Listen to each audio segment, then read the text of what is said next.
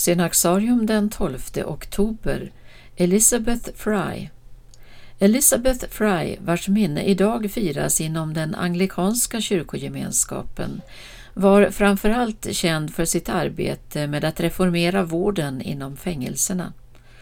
Hon föddes i Earlham i Norfolk 1789 och gifte sig 20 år gammal med Joseph Fry. Denne var affärsman från London och en hängiven kväkare.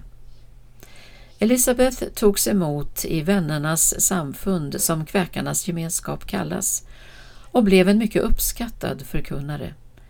När hon insåg hur illa ställt det var på många av sitt lands fängelser inledde hon sin kamp för att förbättra förhållandena, till att börja med på kvinnofängelset i Newgate.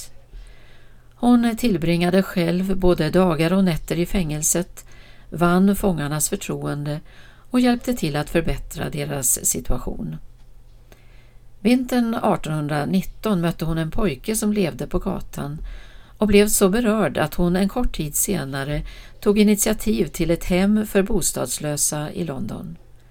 Samma år började hon göra resor genom Europa och i varje land hon besökte drev hon frågan om reformer på fängelserna. År 1840 startade hon en utbildning för sköterskor. Hennes sätt att träna dem inspirerade Florence Nightingale som anlitade flera av Elizabeth Frys sköterskor för att hjälpa skadade soldater under Krimkriget. Buren av sin evangeliska vision var Elizabeth Fry verksam i sin strävan ända fram till sin dödsdag den 12 oktober 1845. Sedan 2001 finns hennes bild på den brittiska fempundssedeln.